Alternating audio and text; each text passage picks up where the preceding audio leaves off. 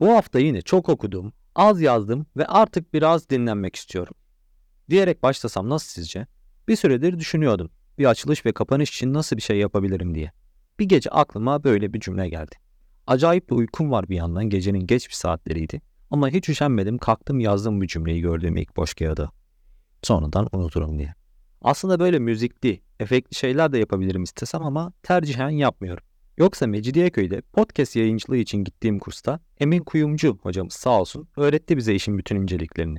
Buradan ona da selam yolluyorum. Açılış bölümünde bile yaptıysam bunu arada böyle ufak tefek konu dışına çıkmalarım olabilir diye düşünüyorum.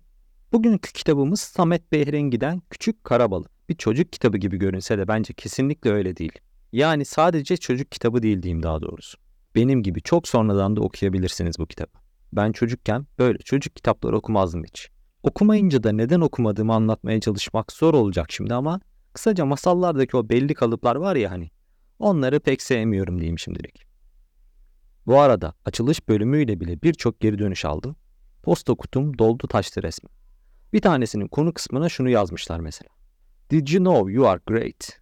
Yani harika olduğunu biliyor muydun? Vallahi haberim yoktu.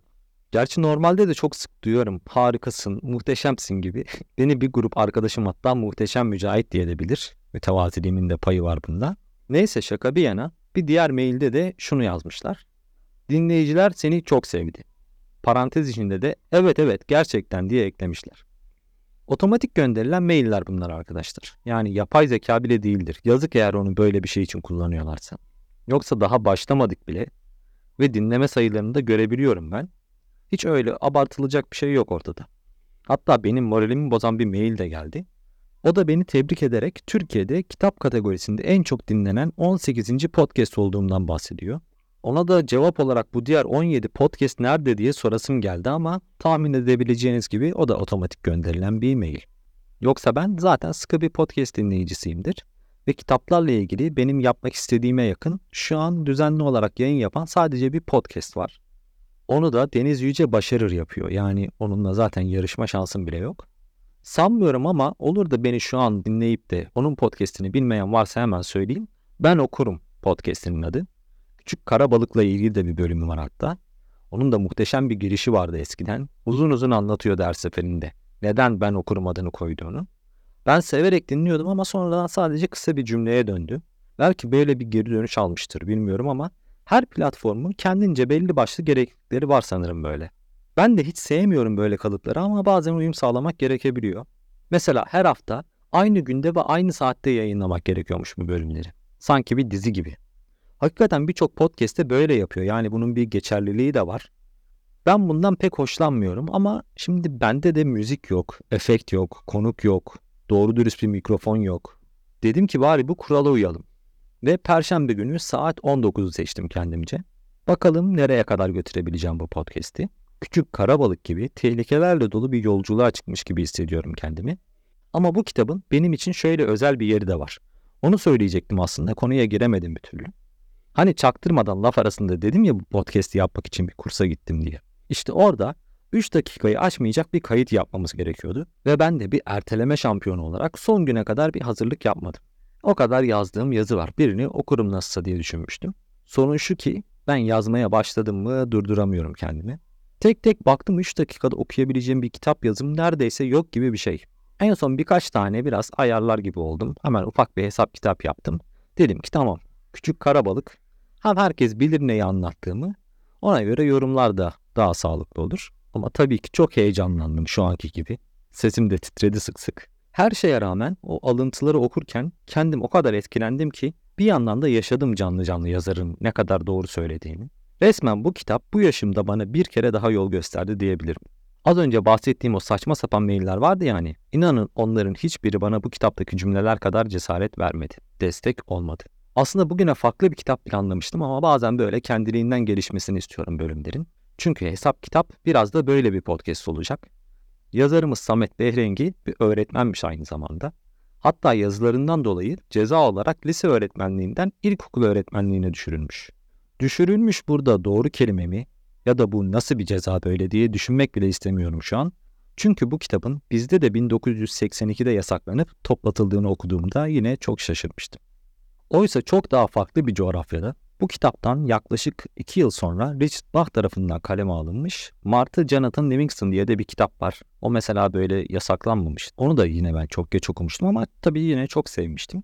Bu arada hemen bir parantez açayım. Sürekli böyle sevdim, beğendim demek istemiyorum. Çünkü zaten ben her kitapta sadece sevdiğim cümleleri paylaşacağım. Amacım burada hiçbir şekilde yazarı ya da kitabı eleştirmek, analizini yapmak değil.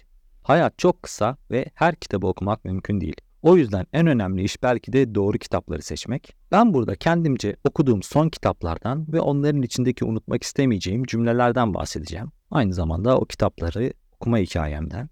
Şu soruyu mesela yazmak lazım bir yerlere. Sizin de zaman zaman kendinize sorduğunuzu düşündüğüm şu önemli soruyu küçük karabalık soruyor.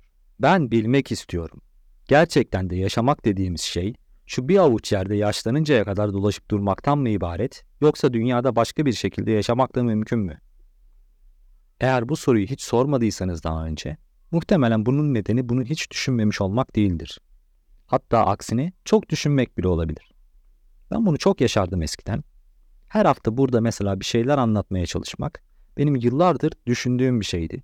Ama o ilk yayını yapana kadar sadece düşündüğüm için bir adım yol kat edemedim. İngilizce'de bununla ilgili şöyle bir kavram var hatta overthinker diyorlar. Öğrendim ki bunun da bir sendromu varmış. Bu durumdan müzdarip birkaç arkadaşım da var hatta benim. O yüzden olur da denk gelirlerse diye bu alıntıyı özellikle onlar için paylaşıyorum. Siz çok düşünüyorsunuz. Hep düşünmek, hep düşünmek gerekmez. Yola çıkınca korkunuz mutlaka geçer. İşte o yola çıkamayınca insan hayatı daha bambaşka bir yönde ilerliyor aslında. Hem de istemediği yönde. Halbuki bu dünyada ölümden kaçmanın hiçbir yolu yok. Yine de çok fazla farkında olmasak da çok önemli bir şey var ve onu yola çıkınca öğreniyor insan. Her an ölümle yüz yüze kalabilir ama yaşayabildiğim sürece ölümü karşılamaya gitmem gerekmez. Bir gün ister istemez ölümle karşılaşacağım. Bu önemli değil. Önemli olan benim yaşamamın veya ölümümün başkalarının yaşamını nasıl etkileyeceği. Bütün bu çıkarımları yaparken karşısına çıkan sorunları da ustaca çözen, yöneltilen sorulara can alıcı cevaplardan geri kalmayan kahramanımız, kendisini biz cahil miyiz yani diye soran kurbağalara bakın ne cevap veriyor. Cahil olmasaydınız, dünyada birçoklarının kendilerine göre güzellikleri olduğunu bilirdiniz. Adınız bile size ait değil. İsimlere takıntılı biri olarak bu cümle beni çok etkilemişti. Beni de sık sık düşündürür zaten. Hayatta en çok benimsediğimiz, benim dediğimiz, kendimizi tanıtmaya başlarken ilk kullandığımız ismimiz bile çok büyük bir ihtimalle bizim seçimimiz değil. Güzellikleri görebilme konusunda ise birçok insana göre farkındalığımın yüksek olduğunu düşünüyorum. Hatta bunun geliştirilebilen bir özellik olduğunu hissediyorum artık. Yeter ki buna ihtiyaç duyalım. Kitabımızın en güzel yeri de sonuydu bence. Küçük kara balığın akıbetinden bahsetmiyorum. O diğer 11.999 küçük balıktan da bahsetmiyorum. Sırf bu sayıyı gördüğümde yaşadığım o heyecanı şu an bile yaşıyorum inanın. Sabaha kadar uyuyamayan yeni kahramanımız küçük kırmızı balığı o kadar iyi anlıyorum ki. Çünkü daha önce sık sık böyle uyuyamadığım olmuştu.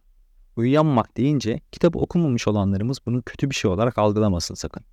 Heyecandan uyuyamamaktan söz ediyoruz burada. Yaşayacağınız uykusuzlukların tek nedeni heyecan olsun diyerek bitirmek isterdim şimdi ama başta da dediğim gibi bir kapanış cümlem var. Onunla ilgili de yazabilirsiniz bana. Otomatik gelen maillere bakmaktansa sizden gelenleri okumak daha güzel olur benim için. Hesap kitap podcast at gmail.com adresinden bana yazabilirsiniz. Sadece bu bölümü değil, hayatı da sevdiklerinizle paylaşmayı unutmayın.